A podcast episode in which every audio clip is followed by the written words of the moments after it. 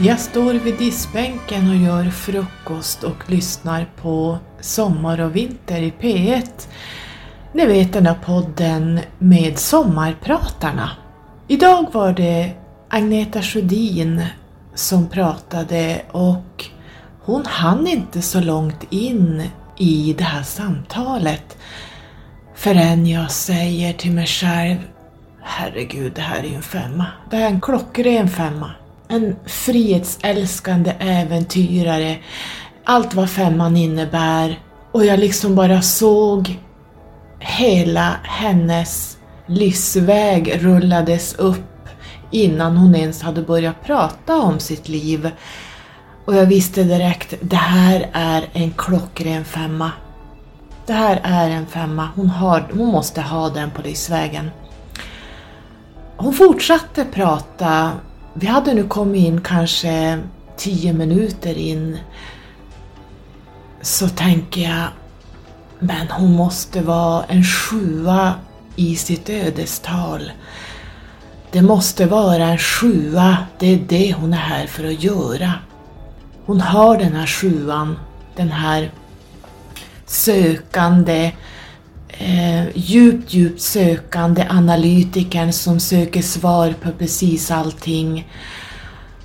Och så lyssnade jag en liten stund till och så tänker jag det måste finnas en masterelva här också. Undrar om inte hennes själ går ner som en masterelva.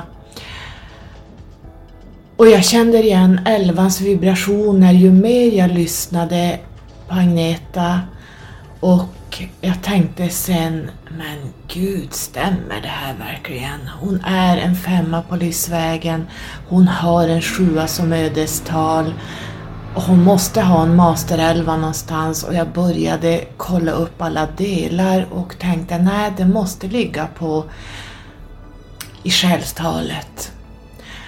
Och sen slog det mig att jag för några månader sedan lyssnade på en podd där, är det han heter Patrik, som är med i Postkodmiljonären.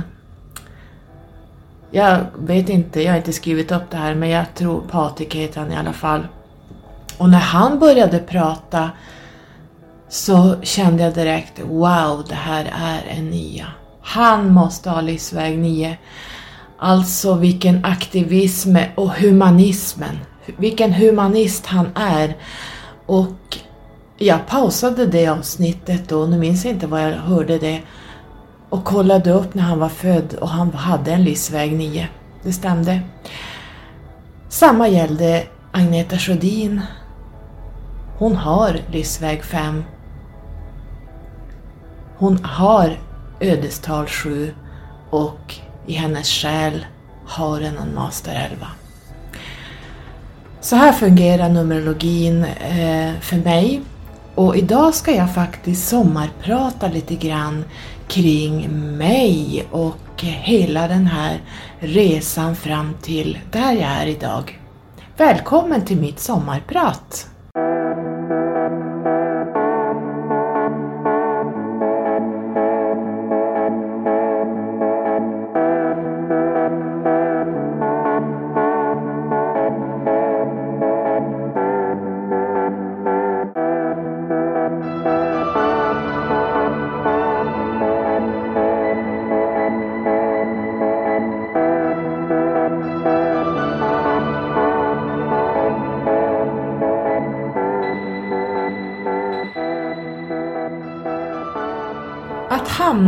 Där man hamnar idag har varit många, många vägar.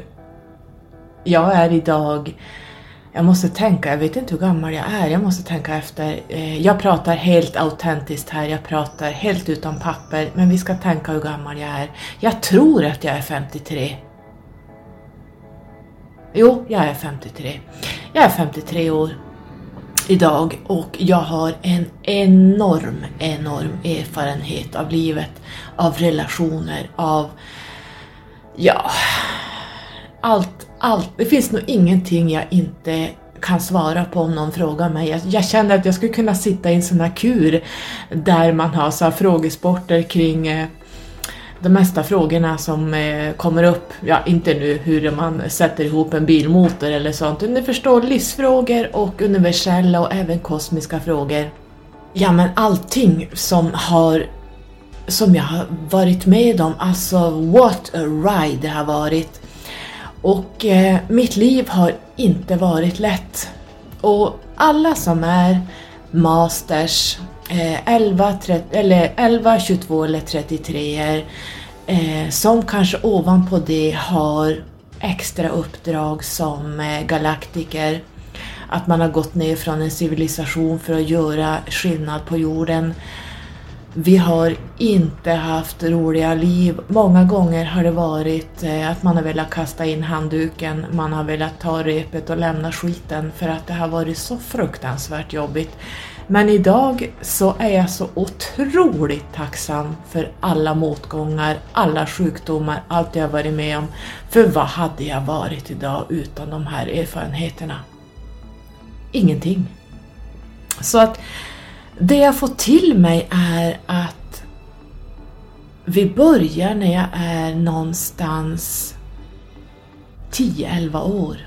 Jag vet inte hur gammal jag var men jag ser mig själv som någonstans där och jag hoppar på en sån här studsboll eh, som man hade som två handtag man höll i och så hoppar jag eh, runt eh, huset och det var nyklippt gräs. Och jag hoppade på den där studsbollen runt, runt, runt, runt, runt, runt. Till slut så blev det tyngre och tyngre och tyngre att andas. Det slutade med att jag hamnade för första gången i mitt liv på akutmottagningen. Här bröts min astma ut. Och min mamma hade då varit astmabarn.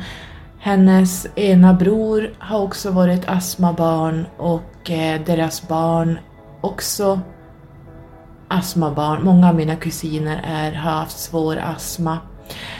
Och då kan man tänka sig, är det här någonting som ligger i generna? Både ja och nej.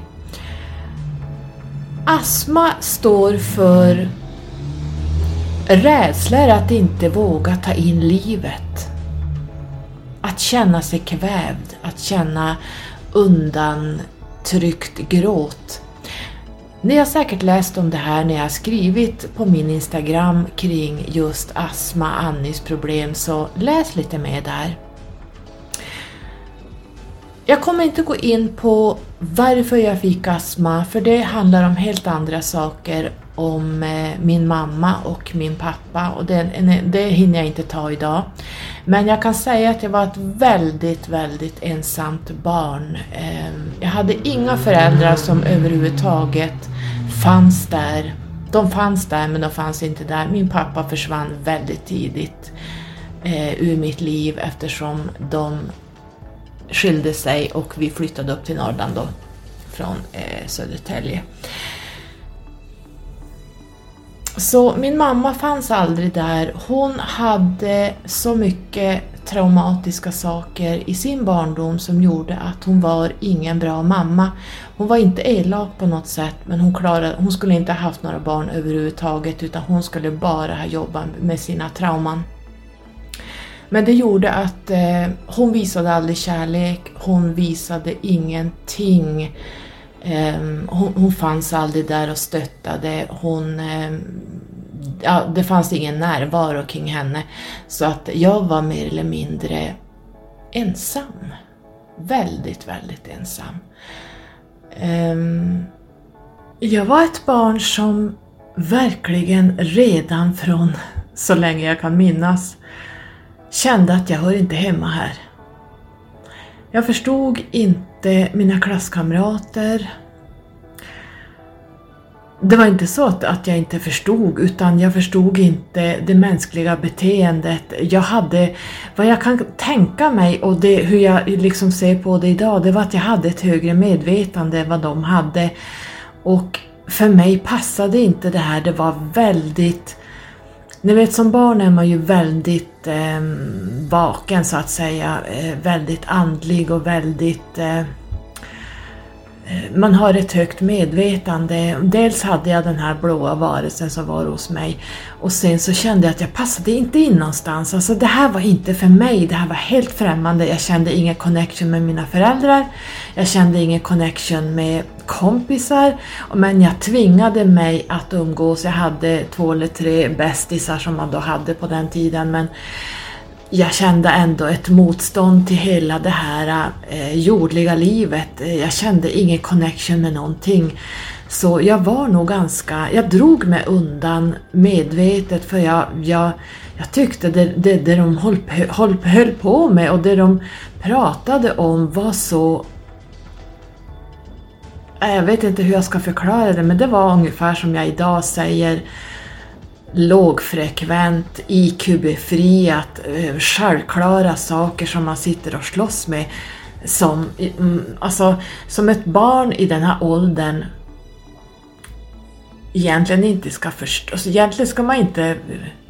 Jag vet inte hur jag ska säga men jag kan inte förklara det. Men jag, jag vet att jag, jag kände mig att jag hörde inte alls hemma här. Det, det, var inte mitt. Och de föräldrar jag valde, de här frånvarande föräldrarna, var ju någonting som jag verkligen hade valt i minsta millimeter, i minsta detalj för att jag skulle bli den jag är idag. Jag skulle inte ha någon curling, jag skulle verkligen gå igenom skärselden här på jorden. Jag ska leva det jävligaste livet som går därför att jag idag sitter på den här erfarenheten från A till Ö kring allting. Så jag, idag ser jag ju varför jag valde de här föräldrarna och när jag gick ner från nionde dimensionen just det här att man verkligen inte hör hemma här. Man hör inte hemma bland sin egna fysiska familj, man känner sig inte hemma med någon här nere. Det, det jag kände mig hemma var, det var bland djuren och i naturen. Men annars var det, det var liksom dem jag, jag kände en behörighet med, så det här var lite läskigt. Och det blev lite ensamt. Och idag har jag valt ensamheten för jag älskar min ensamhet. Jag älskar min ensamhet så mycket så eh, ensamhet med modifikation eftersom jag jobbar där jag jobbar så jag träffar väldigt mycket människor och rör mig bland flera hundra per dag som jag interagerar med. Och, men när jag är hemma och när jag liksom är utanför mitt jobb, då njuter jag av min ensamhet. Jag älskar min ensamhet. Det är det bästa jag har. Det är frihet för mig. Det är flow att vara ensam. And I love it. Men jag hade då en entitet som kom till mig på kvällarna. Jag minns inte riktigt när, hur gammal jag var, men det var en ganska blå entitet som kom, som var, som jag trodde var jag vet inte vad jag trodde att det var. Det var som så att det var så naturligt att den här kom på kvällarna och eh, pratade med mig och sådär. Och eh, sista gången jag såg den här entiteten sa den till mig att du kommer att få se Carola när du är vuxen vad allt det här betyder. Som svårt astmabarn, eh, jag åkte ut och in på akuten rätt ofta. Det var eh, ganska jobbigt. Jag kunde knappt eh, vara med på gymnastiken på skolan, jag kunde inte gå så långt, jag kunde knappt anstränga mig, jag hade ansträngningsastma. Så att det var riktigt jobbigt. Jag var väldigt undernärd, jag var väldigt mager. Jag var så mager och väldigt lång, eller lång, allt är ju relativt, jag är 1,76 och jag vägde väl, i vuxen ålder så vägde jag 56-58 kilo till mina 1,76 centimeter. Men eftersom jag har en pappa som är 1,97 alla mina fastrar är över 1,80. Min eh, farmor var 1,85. Så tyckte alla på min pappas sida att eh, alltså vad du blev liten. Tänk att du blev så liten Carola. Och på mammas sida, som då är 1,65, eh, ja, De tyckte att du är ju så lång, hur kunde du bli så lång? Så ni vet, allt är relativt. Jag tycker inte att jag är speciellt lång, men eh, ja, jag har ju en son som är 1,95 också så att eh, det ligger nog däremot i generna. Men för att ha varit ett astmabarn hela mitt liv så när jag var 21 år gammal så insjuknade jag i typ 1 diabetes. Jag har fått förfrågan att prata om diabetes och graviditet. Ehm, det kommer bli ett tufft avsnitt, ehm, så jag kommer inte gå in så mycket på diabetes, men typ 1 och typ 2 är helt är eh, olika sjukdomar och har ingenting med varandra att göra. Jag tror ehm, kunskapen är väldigt dålig där ute i samhället. Man, man kallar det sockersjuka än idag, fast det har inte alls med det att göra. Så jag ska prata om diabetes typ 1 och eh, graviditet, vad det innebär djupgående, en annan gång. Jag har nämligen fått den frågan av en kvinna som har typ 1 diabetes och är gravid som ville veta lite mer kring det. Eh, men här förändrades mitt liv. Här blev det riktigt tungt, riktigt jobbigt. Eh, eftersom det är ett heltidsjobb. Jag brukar säga att jag har två jobb. Jag har mitt vanliga jobb och så har jag min heltidsdiabetes för den vilar aldrig. Den eh, går aldrig och lägger sig. Ehm, den är med när jag reser, den är med när jag sover, den är med när jag jobbar, den är med när jag är på fester, den är med hela tiden och jag måste 100% ha koll på mina blodsockernivåer, vad jag äter, hur jag äter, jag måste planera, vad ska jag göra idag? Jag ska gå dit och dit, Jaha, du måste äta så och så mycket och ta så och så mycket insulin, annars kanske det blir för lågt om du ska ut och anstränga dig. Så att det här är hela tiden beräkningar, beräkningar, beräkningar som pågår 24-7. Eh, jag kommer inte gå in så mycket på typ 1 diabetes, men det man vet, det vi vet är att det skapar, eh, det är inte bara att det här att man måste hålla koll på sitt insulin, eller jo, på både insulin och blodsockernivåer och en jävla massa sprutor. Alltså man sprutar nu eh, några, ja, man kanske 100 200 000 stick i ett liv, om det räcker. Man får komplikationer av den här sjukdomen man kan bli blind, man kan få njursvikt, njur, njurarna lägger av och du måste få dialys tre gånger i veckan, eh, alternativt transplantera nya njurar. Eh, man får eh, i fötterna eh, neuropatier heter det, det är nervskador som eh, gör att Dels får man en väldigt dålig blåcirkulation ute i extremiteterna, fötter, ben, och eh, man slutar känna tårna, man eh, känner inte eh, fötterna. Ehm, det blir, får du ett sår på en tå så kan det bli så pass illa att du måste börja amputera tån som sen blir att du måste amputera hela benet. Det är mycket amputationer kring typ 1 diabetes, även typ tårna. Du får den här nervskadorna angriper även ögonen. Så att när jag var gravid, som jag ska prata om i ett annat avsnitt, så fick jag måttliga skador på mina ögon efter den graviditeten. Eh, det var nog ett av det tuffaste jag varit med om, det att vara gravid. Men jag ska prata om det sen. Man får förändringar i matstrupen, sväljproblem, man kan få problem med magen. Egentligen skulle man kunna säga att hela kroppen, alla organ drabbas av typ 1 diabetes. Riktigt svårt. Så här gäller det verkligen att hålla koll på sin sjukdom. Eh, om du vill leva över 60 år så att säga. Eh, det beror på hur du sköter dig. I och med att det här är, en heltids, det här är ett heltidsjobb både nattetid, dagtid, vad du än gör så måste du ha med dig det här hela tiden. Men nu ska vi inte hamna in i diabetes. Och det var ett helvete hela graviditeten. Det var ett sånt jävla helvete att hålla, ligga under 4 millimol per liter i blodsocker under hela graviditeten. Det var det värsta jag har varit med om. Det var något så fruktansvärt, jag ska inte gå in på det idag, men jag gick upp från 58 kilo till 98 kilo. Alltså 40 kilo gick jag upp under graviditeten. Jag ska prata mer om det här i det avsnittet.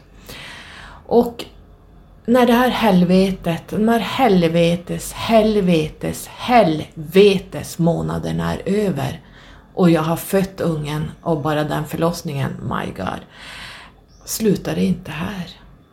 Nej då. När min, min son var tre månader så vart jag riktigt, riktigt sjuk. Jag var så sjuk, jag var så sjuk, jag var så sjuk och jag förstod inte vad det var för fel. Jag hade så ont i anklarna, alltså anklarna var så svunna, alltså jag hade så ont i mina anklar och jag kommer inte ihåg vars mer jag hade ont. Men alltså jag, var, jag hade en sån sjukdomskänsla, alltså jag har aldrig känt mig så sjuk tror jag, det har jag säkert, men alltså det var nog fruktansvärt. Och tar den här nyfödda barnet in på akuten och jag hamnade i ett rum där och jag var så sjuk. Jag kommer ihåg, där ska jag försöka amma ett barn, jag orkar inte ens hålla ungen. Alltså jag var helt, helt slut. Så får jag, då skickar de upp mig på röntgen och sen får jag svar. Du har en, en akut sarkoidos. Det får ni googla. Eh, jag kommer inte gå in och prata om det för då blir vi aldrig klara med det här avsnittet. Men tack och lov så var den akut och den läker ut. Och det tog mig ett år. Jag minns inte. Så jag gick på hög, hög, högsta doserna kortison och eh, NSAID för att överhuvudtaget klara av att sitta upp och så ha hand om ett nyfött barn. Alltså jag var så fruktansvärt sjuk. Alltså, det, jag, alltså jag var svullen och, från kortisonet och sen fick jag springa på... En gång i månaden fick jag åka till ett annat län, en specialist eh, lungmottagning där jag var tvungen att ta eh, röntgen på mina lungor en gång i månaden i ett års tid. Ja, det var fruktansvärt. Så det var ingen babylycka här precis kan jag säga. Och jag glömde faktiskt säga att när jag var gravid, när jag var i sjunde månaden, då var jag rätt stor ska jag säga. Du vet att jag gick upp 40 kilo så att eh, här kanske jag hade gått upp 30 kilo. Då skulle jag gå ut från huset och hänga tvätt. Och böjer mig ner och ska plocka upp tvätten och känner bara hur hjärtat drar igång. Bum, Ni vet alltså, det drog igång något så fruktansvärt och in på akuten med ett barn i magen. Där hittar man då att jag hade en, en eh, takykardi, mitt hjärta gick i 250 slag i minuten. Det här är så fruktansvärt, hjärtat slår så fort så det, det är sådana arytmier att hjärtat kan lika gärna stanna och man får ingen luft. Hjärtat pumpar så fort, alltså 250, det är nog fruktansvärt fort. Och det här kallas för AVNRT. Det är fel på AV-noden och eh, det innebär då, eh, för att göra en lång händelse väldigt kort, Eh, från akutmottagningen rullades jag in på intensiven där man sövde mig och elkonverterade hjärtat, det vill säga man, ger en man, man tar en defibrillator precis som vid hjärtstopp och sätter den mot bröstkorgen och trycker av ström. Och då stannar hjärtat och så sen börjar det gå i normal rytm igen. Det här var så chockerande för mig, det var nog så fruktansvärt.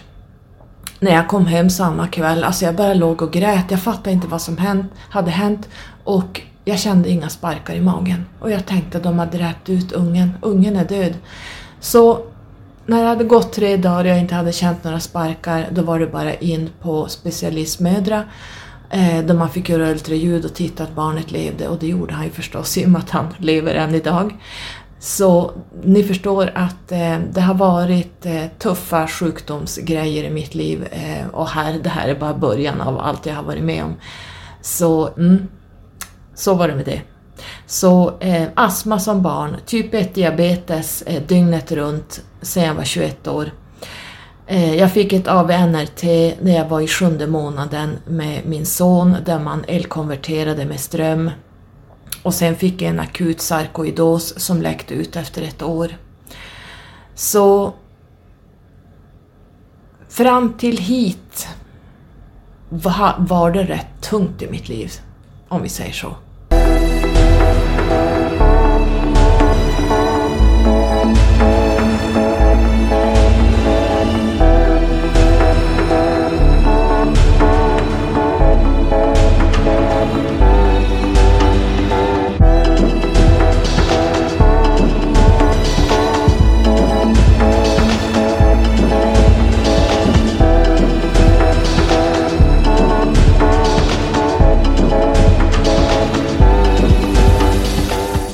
Kan man amma med så mycket kortison i kroppen?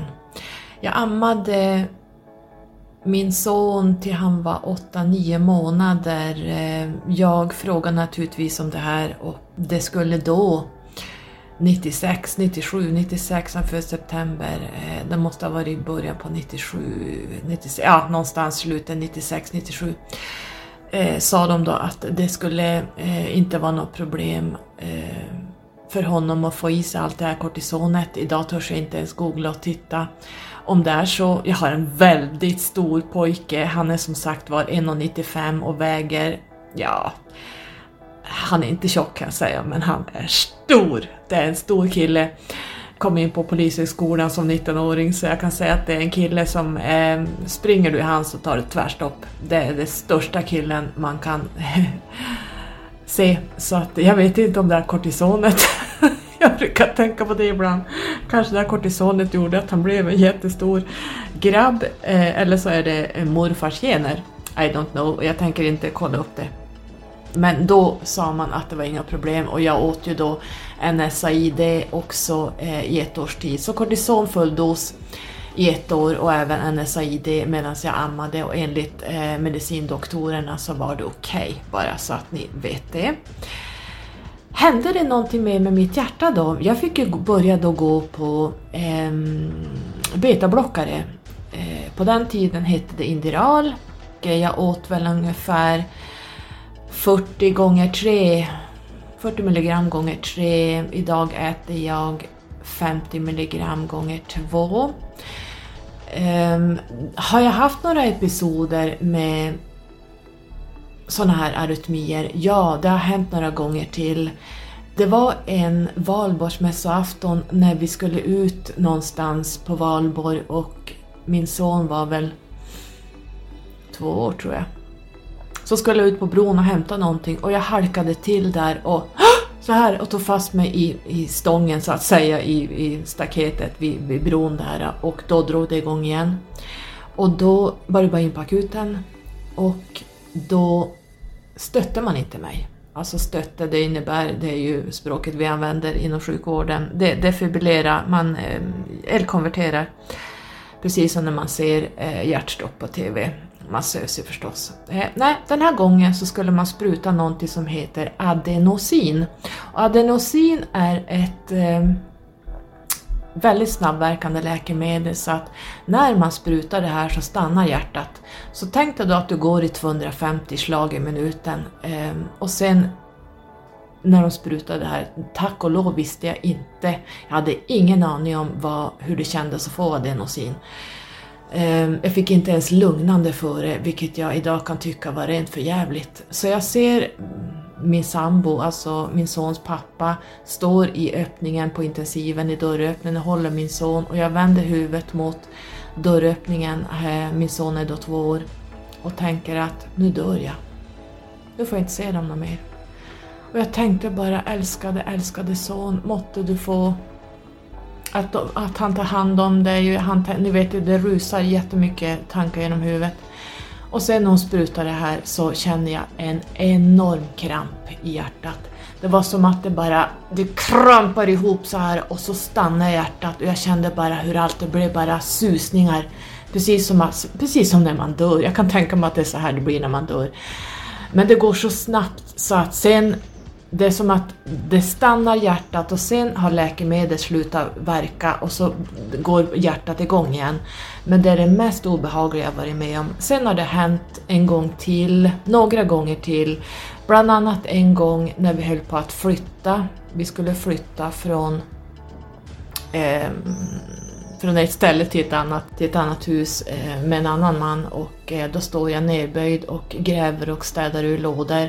Det här med att stå nedböjd, det verkar vara påfrestande. Eh, jag vet att någon ÖL har sagt, någon medicin-ÖL har sagt att det kan vara så att de som har hjärtflimmer, det är inte samma sak. Man ska inte blanda ihop hjärtflimmer och takykardier. Eh, eh, så är det ofta att det drar igång när man står nedböjd.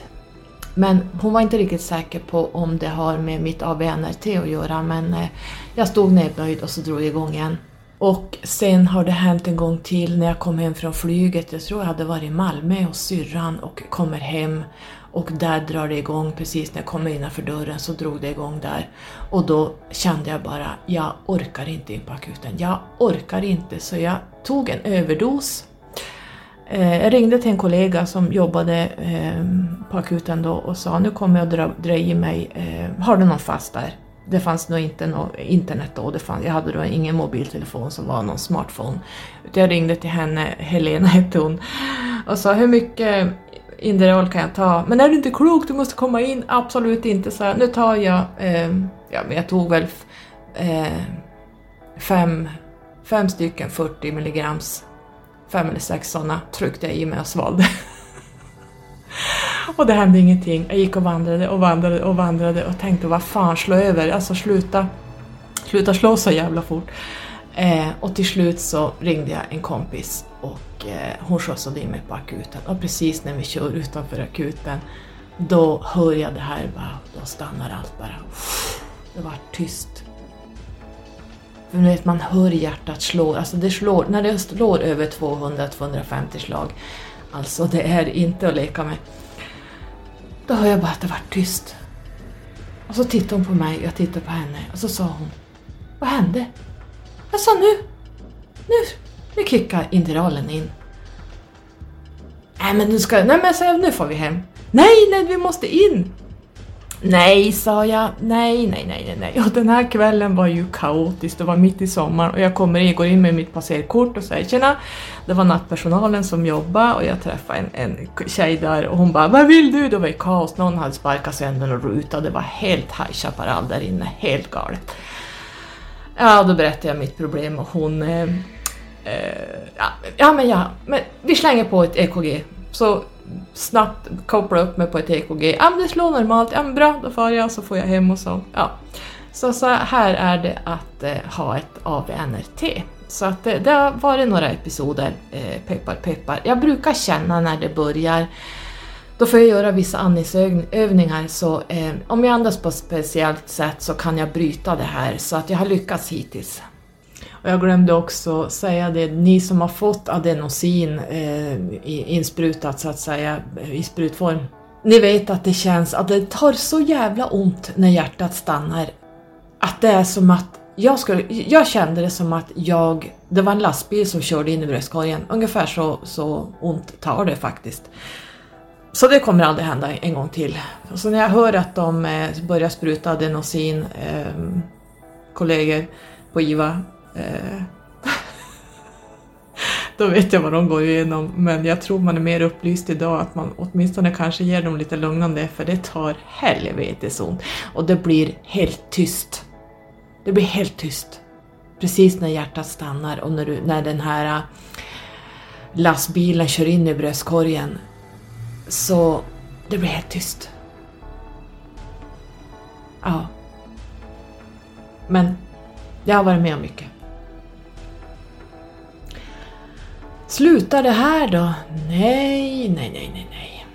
I och med att jag är insulinbehandlad diabetiker typ 1 så kom jag på att jag skulle börja LCHF. Och det är so far so good. Det funkar jättebra ett tag. Eh, grejen var bara att eh, när man inte får några kolhydrater eh, någonting egentligen som insulinet eh, jobbar med. Så då måste man sänka insulinnivåerna, eh, för insulinet måste ha någonting att jobba med, annars sjunker det ner på noll och så får man ett koma. Och då dör man. Så att eh, jag fick ju sänka och sänka och sänka och sänka och sänka insulindoserna och jag gick ju nog ner 10 kilo på ganska snabbt. Ehm, grejen var bara att efter ett tag började det gå väldigt tungt. Det gick väldigt tungt och jag tog fortfarande mitt långtidsverkande insulin eh, men eh, det, det började gå riktigt tungt. Jag pratade om det här när Liss, min stamtik, min dobermantik, eh, ledartiken, räddade mig, livet på mig den natten jag blev sjuk. Så lyssna på det avsnittet så berättar jag vad som hände där. Men jag hamnade på intensiven, jag fick en ketoacidos och man trodde inte jag skulle överleva den natten. Man ringde in en eh, narkos-IVA-sköterska per fyra på morgonen för jag krävde så mycket personal att, eh, och så mycket läkemedel och mycket inotropt stöd. Man trodde inte jag skulle överleva natten. Man hade faktiskt tänkt flytta mig till ett större sjukhus men man trodde inte jag skulle överleva transporten. Så eh, den historien kan du lyssna på i det avsnittet. Så där har jag också legat på intensiven och varit riktigt, riktigt dålig. Sen har jag även haft en, åt andra hållet, en, ett insulinkoma. Man kan säga att ketoacidos är när man eh, har haft för högt socker för länge, fast egentligen inte för högt socker. Jag hade inte för högt socker utan eh, det fanns inget insulin som kom. Jag sprutade mindre och mindre insulin. Till slut var jag tvungen att sluta med det helt och hållet i och med att jag eh, gick på LCHF. En gång hade jag faktiskt en, eh, ett insulinkoma och då var min son som räddade livet på mig. Ehm, jag var då tillsammans med, som jag brukar säga, mannen i mitt liv, min norrman som är både IVA och narkossköterska och jobbar både på narkosen, ambulansen och även på IVA. Och han hade jag gjort klart för att händer det mig någonting så ska jag inte in på sjukhuset och han gjorde som jag sa så att vi låg i sängen där och jag hade väldigt lågt socker, jag måste ha legat på 1,3 eller någonting. Och min son ligger mitt emellan och ropar på mig att han vill ha välling. Ja, välling, välling vill han ha. Han var väl två, två och ett halvt år. Tre kanske, jag vet inte. Och, eh, och jag minns det där, men sen minns jag inget mer. Och min sambo då eh, reagerade på att eh, min son aldrig slutade tjata om välling och började liksom puffa i mig och säga men stig upp då, stig upp då, han vill ha välling. Men jag svarade aldrig. Då hade jag ett insulinkoma. Han jobbade med mig i, jag vet inte hur länge, men han gick på, eh, han, jag vet inte hur det här gick till, men han ringde inte ambulans utan han eh, försökte få i mig, han sa att du hade kvar Sverigereflexerna, Sverigereflexerna fanns, så han började få mig till att dricka men jag var helt bort, jag var helt eh, medvetslös. Men han sa, du, så länge du hade Sverigereflexer så eh, höll han på med det eh, och få mig att dricka en massa socker och allt sånt. Och eh, när jag vaknade så Ja, det var det värsta jag varit med om. Det är som att vakna ur att man har fallit genom kosmos. Jag minns att allting var bara svart och glitter och min son stod bakom eh, sovrumsdörren, han var jätterädd eh, av att se sin mamma på det här sättet. Han var gömd bakom dörren men min sambo hade ju inte tid att kolla till honom så att eh, han försökte ju liksom få mig till att vakna. Och det är tur att eh, han är ju i eh, både IVA och narkossyra så nog visste han vad han gjorde. Men eh, jag kommer ihåg att det tog mig några dagar att återfå medvetandet. Alltså det var, det var bara ett enda mörker. Alltså jag kan inte förklara hur det såg ut men jag såg bara allting var svart. Jag hade inte synen eller någonting. Så det här var riktigt obehagligt också.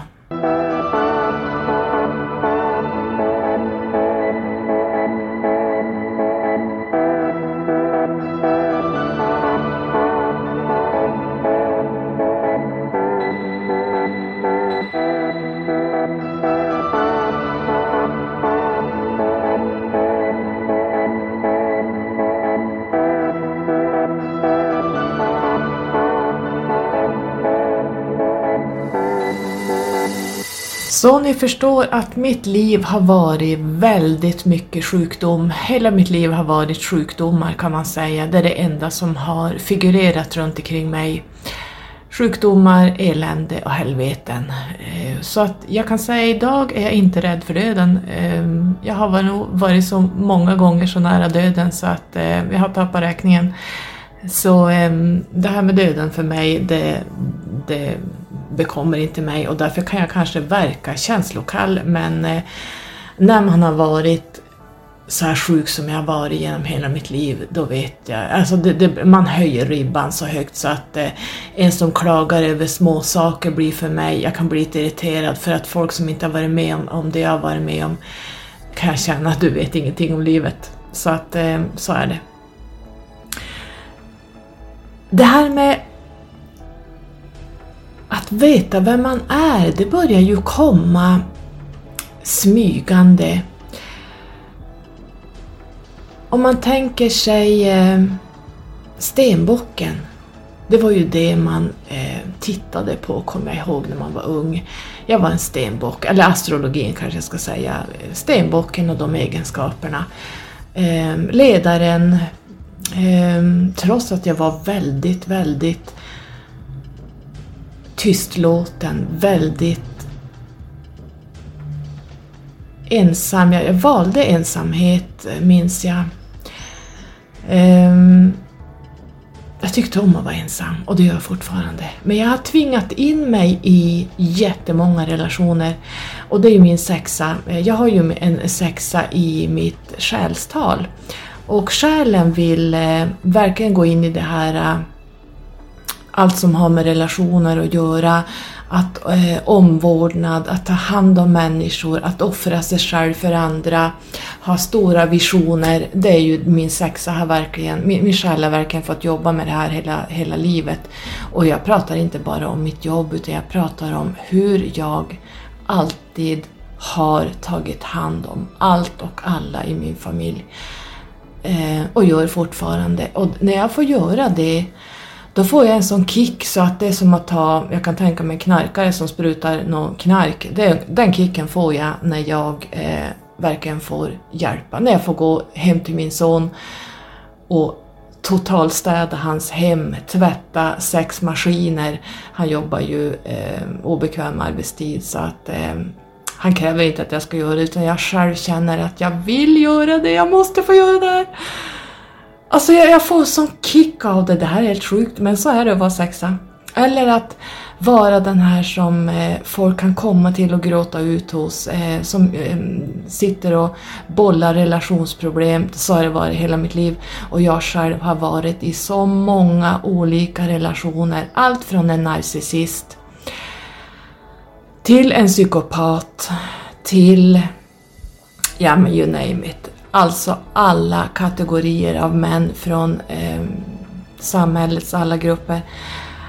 Wow kan jag säga. Jag har så många relationer så jag tappar räkningen. Eh, men däremot har jag haft några längre relationer. Men jag har dejtat och varit tillsammans med väldigt många så jag har en enorm, enorm erfarenhet kring relationer. Alltså det finns ingen som slår mig på fingrarna vad gäller kärleksrelationer eller relationer mellan föräldrar och barn, barn och föräldrar, um, ungdomar, ja men allt från A till Ö kan jag på mina fem fingrar. Och det är min sexa som jag har i min själ som verkligen har gått in och dominerat egentligen mer än hälften av mitt liv. Tills min sjua, mitt ödestal, helt styr mig nu. Jag tror jag har sagt det tidigare, men eh, jag är helt inne i sjuan och det är den vibrationen jag älskar mest av allt. De män jag har dejtat har varit advokater, de har varit jurister, de har varit läkare, jag vet mm, två narkosläkare. Det har varit eh, väldigt mycket musiker. Fråga mig inte varför jag hamnat, men det har varit musiker som har varit riktigt kända. Jag hade bland annat ett lång eh, ett distansförhållande under ett och ett halvt, två år. Göteborg ehm, och här uppe som jag flög mellan.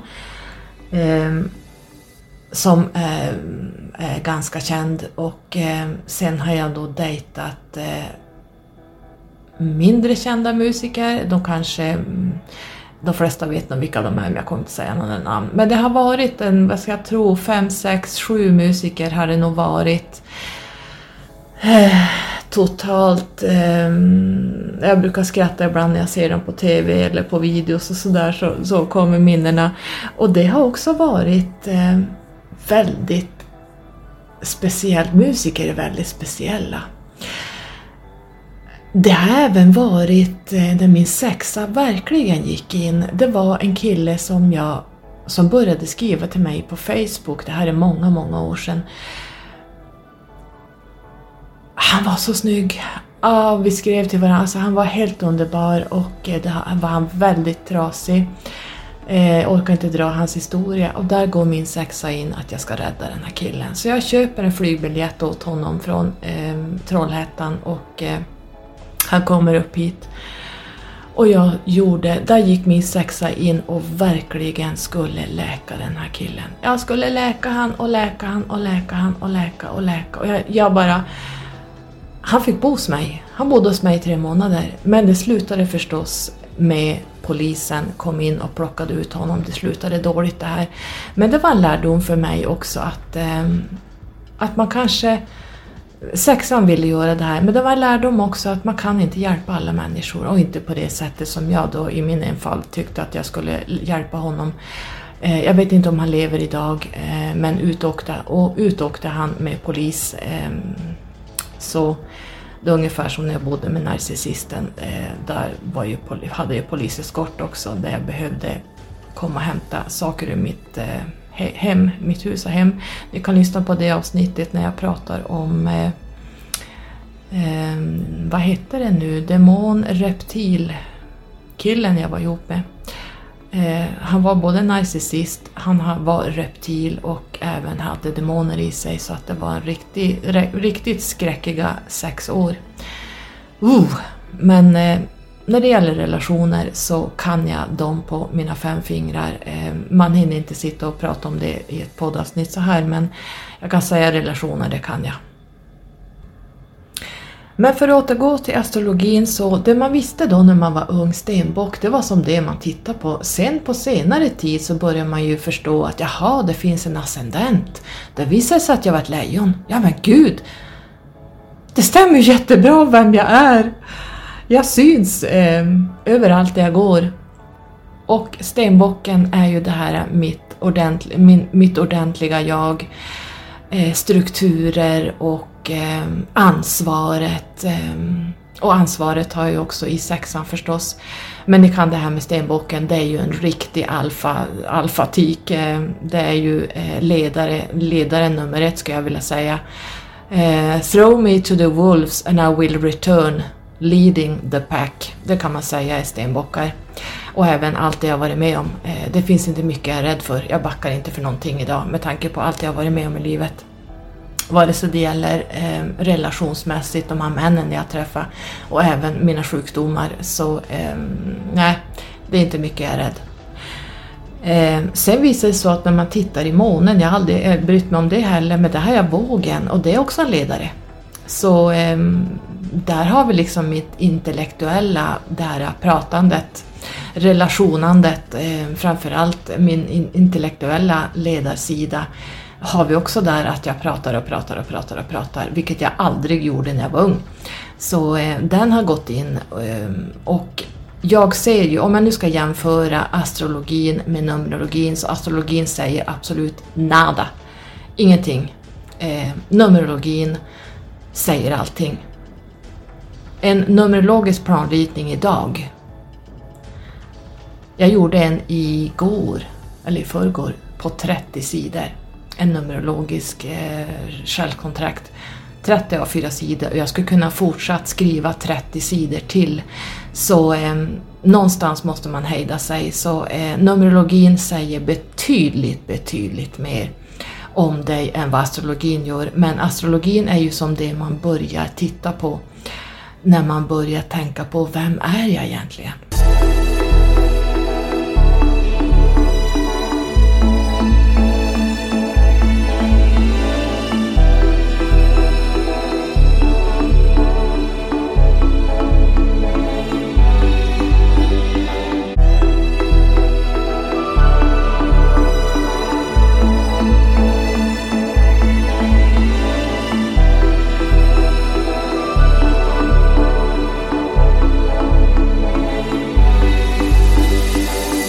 Jag är nog ganska hårdhudad och men jag är väldigt mycket känslor inuti så är jag ganska hårdhudad utåt sett. Ehm, jag är ganska tuff därför att livet har varit jävligt tufft mot mig.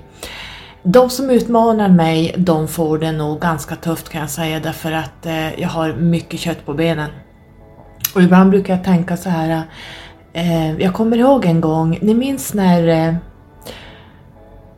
våra barn är små. Hur gamla är de när de vänder sig? Fem, sex månader, kan det vara något sånt? Jag stod i alla fall och skulle byta blöja på min son och skulle då sträcka mig efter en blöja på andra sidan. Eh, ja, man hade sånt här bord där jag bytte på honom och så sen skulle jag som vända mig om och ta blöjor från eh, andra sidan av rummet. Det, jag skulle bara vända mig om så att säga. Och på den sekunden jag gör det så hinner han vända sig och kasta sig från skötbordet och faller ner i golvet med huvudet före i stengolvet. Och som mamma, första gångs mamma, så normalt sett, eh, det man ser på akuten, så springer ju en sån här normal mamma, om man säger, skulle väl ta ungen med ambulans in och kolla upp ungen. Men jag lyfter upp han. Jag vet att så länge de skriker är det okej. Okay barn som är tysta är lite mer farligt, då bör man åka in. Men ett, ett barn som skriker eh, och inte har några synliga skador, jag kollade upp honom och tänkte äh, det där vart bra. Så jag brukar skratta och tänka, äh, säga till, till min son att du vart som det vart tack vare att du följde golvet. och här har vi stenbocken. Vi har en jävligt rå humor. Vi älskar sarkasm, det är jag i ett nötskal, det är mitt andra namn. Ehm, den här sarkasmen, det är det absolut bästa jag vet. Alltså jag älskar det! Och det är det bästa jag vet. Ehm, men jag är rätt, jag är rätt tuff, jag är rätt, jag är inte så rädd av mig. Ehm, jag springer inte till sjukvården så fort jag får lite ont i magen eller om någonting händer utan ja, ja, jag take it easy så att säga. Så att mm, jag är nog ganska cool vid det här laget. Vars var vi någonstans? Vi var kring Numerologin. Den kom ju in för några år sedan. Om ni har lyssnat på alla mina avsnitt så har jag berättat om när fjärilarna började komma in. Och när den här rösten, när jag stod och eh, torkade mina köksskåpar i köket så kom det ju en röst som pratar med mig som säger Carola! Jättehögt som kommer utifrån och in. Och sen kommer alla de här fjärilarna. Jag gissar inte dra det igen för att ni får lyssna. Jag har pratat om det här så många gånger så jag gissar inte dra den historien igen. Men här kom ju Numerologin in i mitt liv. De här talen som började visa sig, det var 1111 precis överallt och det kan man säga är ett uppvaknande nummer. Um, numerologin är inte änglanummer. Vi säger det igen. Eh, det är inga änglar som sitter och skickar numerologin. Numerologin är Pythagoras eh, och det här är universellt. Universum består av siffror. Och de här siffrorna kan man säga nästan är som neutrinos, att de eh, finns i allting. De, finns, de omsluter hela universum och de omsluter hela våran aura, hela våran sfär. Sen finns det som lite trådar kan man säga. Du kan tänka dig att du har en massa trådar som går ut från hela ditt väsen, ut genom ehm, upp till astralplanet och högre, där de här trådarna vet inte hur jag ska förklara det, eh, svarar tillbaka i siffror. Och, var, och de här siffrorna, sifferkombinationerna som kommer ner, är svar eller vägledningar som kommer ifrån universum, så det finns inte, änglar finns inte för det första. Änglar är new age och det är religion. Utan glöm det bara 2021, nu måste vi liksom börja gå vidare i utvecklingen här om vi ska kunna lämna eh, fiskarnas tidsålder och Kalis tidsålder. Nu är det dags liksom att steppa upp här. Utan vi lämnar religioner och sånt. Utan eh, vi pratar alltså kvantfysik, vi pratar eh, allt som, som universum är uppbyggt av, vi pratar dimensioner. Och Numerologin fungerar som så att det finns runt omkring oss hela tiden och vi är multidimensionella så att allt det vi tänker skickas upp och det kommer tillbaka. Det skickas upp och det kommer tillbaka. Det är allting du tänker. Så är du i ett negativt flow jättelänge, kanske hela ditt liv, så är det bara det du får tillbaka. Och Numerologin funkar som så att den ger dig svar om du har några inre funderingar eller om du känner liksom att eh, du har fastnat i någonting, valmöjligheter, vad är det som kommer? Är det stora vägskäl eller stora frågor, då kommer du att se upprepade nummer om och om och om igen. Och jag hinner inte gå in på alla de här uh, sifferkombinationerna som går in, men uh, jag kan dem på mina fem fingrar och äh, det är klart att jag skulle kunna säga man kan liksom säga om man googlar, eh, ettan står för en nystart, en ny början och det är liksom eh, individualisten och allt det här.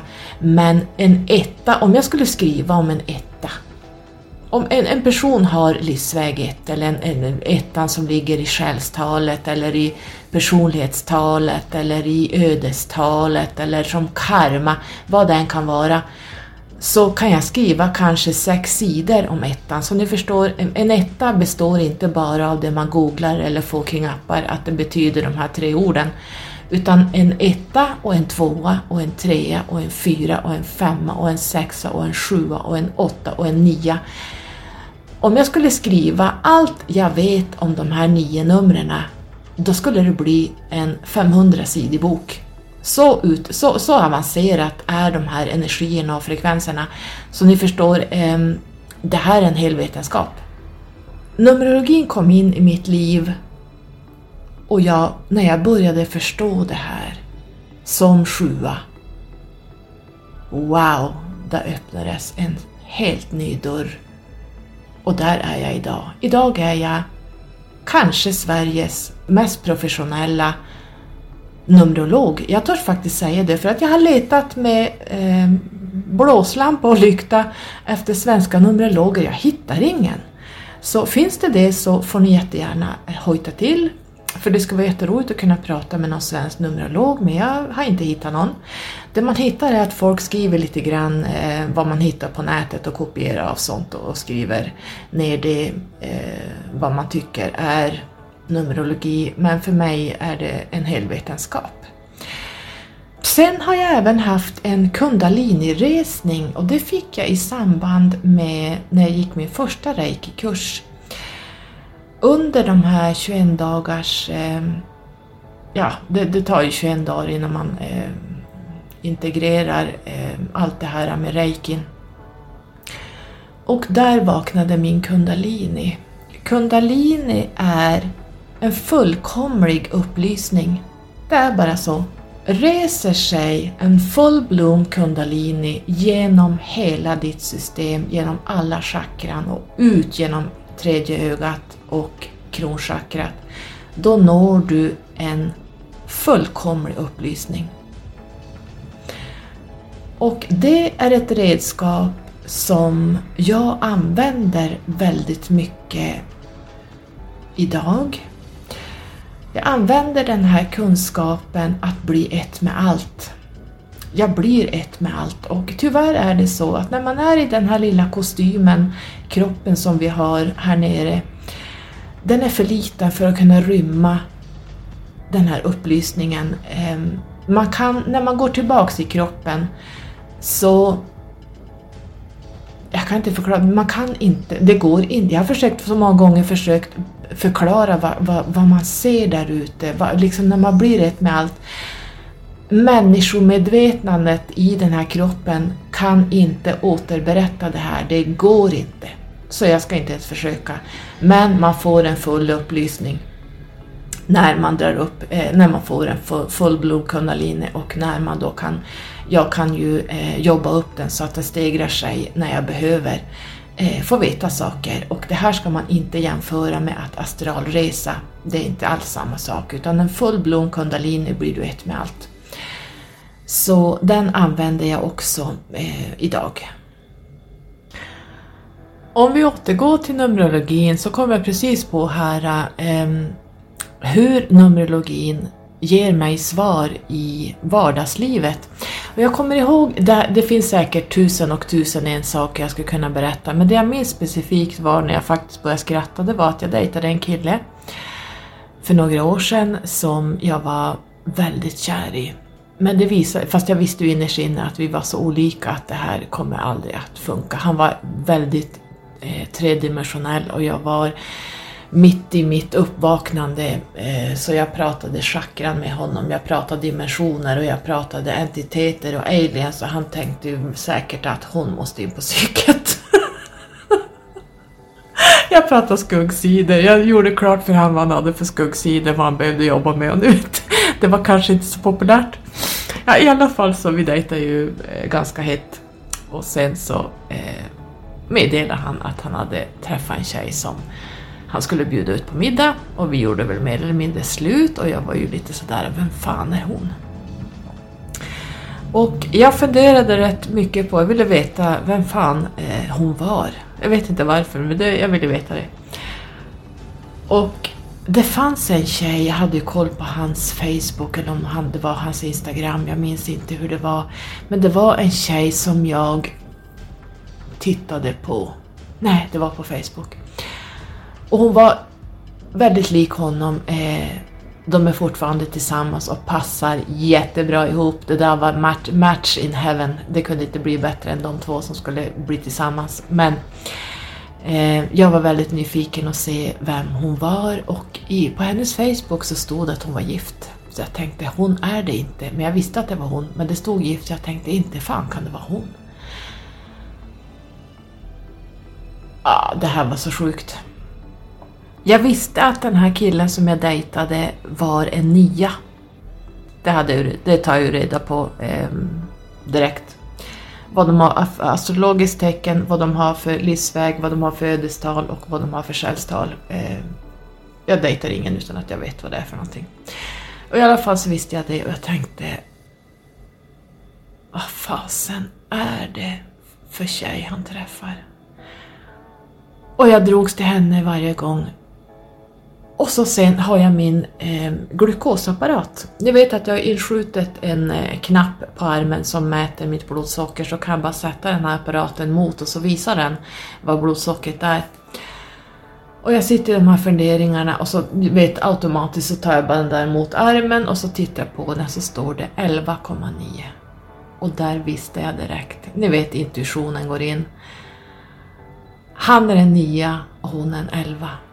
Så jag tog den här tjejen och googlade upp hennes personnummer och då står det att hon är en master 11 och så tittar jag på hennes Facebook och då står det singel. Så hon hade alltså efter ett 26-årigt äktenskap hoppat över till den här killen då som jag dejtade. Och där fick jag veta en bekräftelse via Numerologin att eh, 11,9 stod blodsockret på och det visade, det, Numerologin visade mig att hon var en master 11 och han är en 9 så då, då, fick jag liksom bekräftat att det var hon som jag eh, såg redan dag ett. Så här, så här fungerar Numerologin. Eh, det gäller bara att kunna se igenom vad som är, alla siffror du ser betyder någonting. Och det slutar inte det roliga här, utan det gick en liten tid, någon vecka, jag hade en sån här datingapp då, om det var Tinder eller vad det hette, det här är många år sedan. Och eh, då mötte jag en jättetrevlig kille där. Och vi började ju dejta. Och det visade sig, så alltså, tro det eller ej, det visade sig att han hade varit gift med den här kvinnan som min före detta kille som jag dejtade då var tillsammans med nu.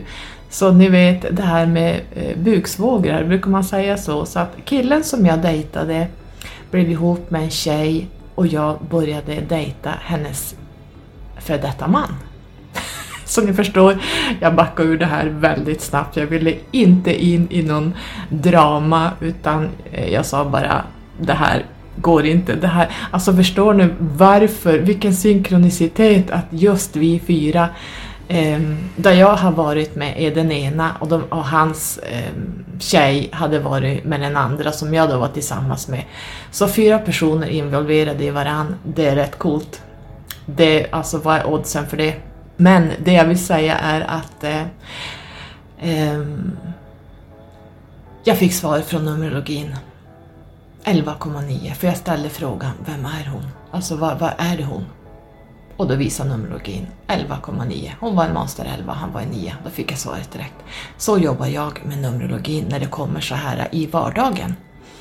Även på jobbet. Och varje gång jag tittar i min telefon så står det alltid, alltid 14 14, 13 13, 17 17, 14 44, 14 00. Eh, det är inte eh, 13 08 eller eh, 18 eh, och 10 eller något sånt utan det är alltid så här ordentliga nummer som är exakta eh, dubbelnummer och det är varje gång. Det har aldrig hänt än att jag har tittat på min display på telefonen när det har stått någonting annat än just 00 00 01 00 02 00 14 00 13 13 eller 13 00.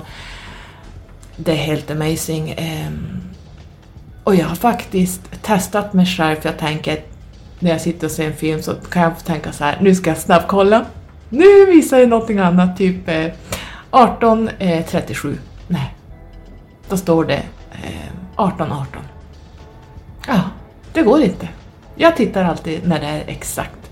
Så det här är lite fränt. Och det har jag hållit på i massor med år så att jag är så van nu. Men när, de här, när jag ställer frågor så visar Numerologin mig, och det kan alltid vara på telefonen eller så kan det vara på min blodsockerdisplay eller så kommer de här numren någon annanstans och eh, där får jag alla mina svar jag behöver. Eller vad jag är inne i eller vad som kommer. Så att eh, Numerologin är den mest potenta eh, energierna och vibrationerna vi får tillbaka av det vi sänder ut. Så ehm, ja, det är rätt coolt.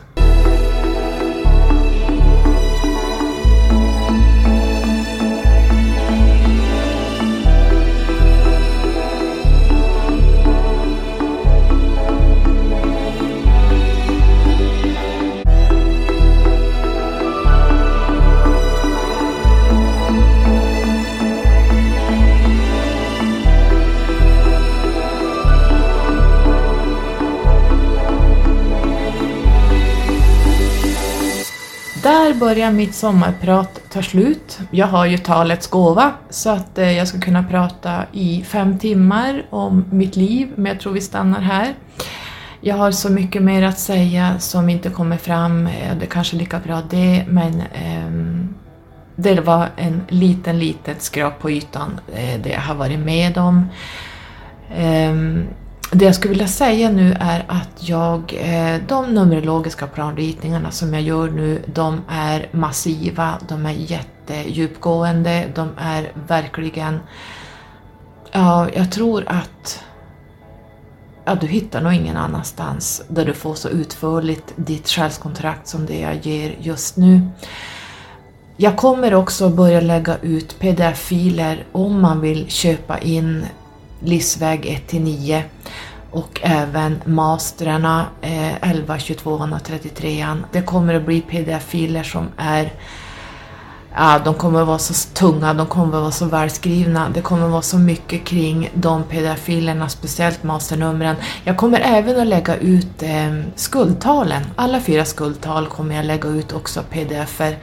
Så ni kan köpa in där för att eh, det, här är så, det här är så mycket som inte ens ryms i en planritning. Att jag tror inte en, en, man klarar av att läsa så här mycket, eh, det går inte.